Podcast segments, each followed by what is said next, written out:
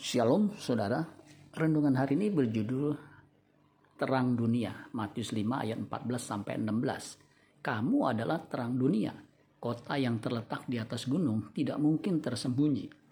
Lagi pula orang tidak menyalakan pelita lalu meletakkannya di bawah gantang, melainkan di atas kaki dian sehingga menerangi semua orang di dalam rumah itu.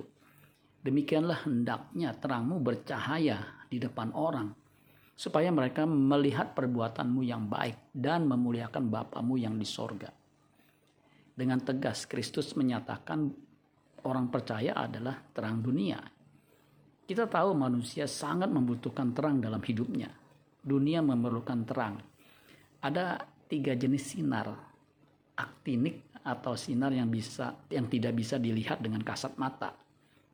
Luminiferous luminiferous itu sinar yang nampak jelas terlihat oleh mata. Klorid, sinar yang menimbulkan rasa panas di kulit. Orang percaya harus membawa dampak positif bagi lingkungan di sekitarnya sehingga Allah Bapa dimuliakan. Dan mereka berkata, orang sebaik dia tidak mungkin menyembah Allah yang salah. Pasti Allah yang disembahnya adalah Allah yang benar.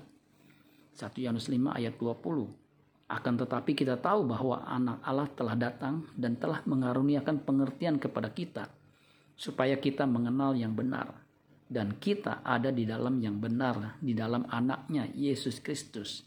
Dia adalah Allah yang benar dan hidup yang kekal.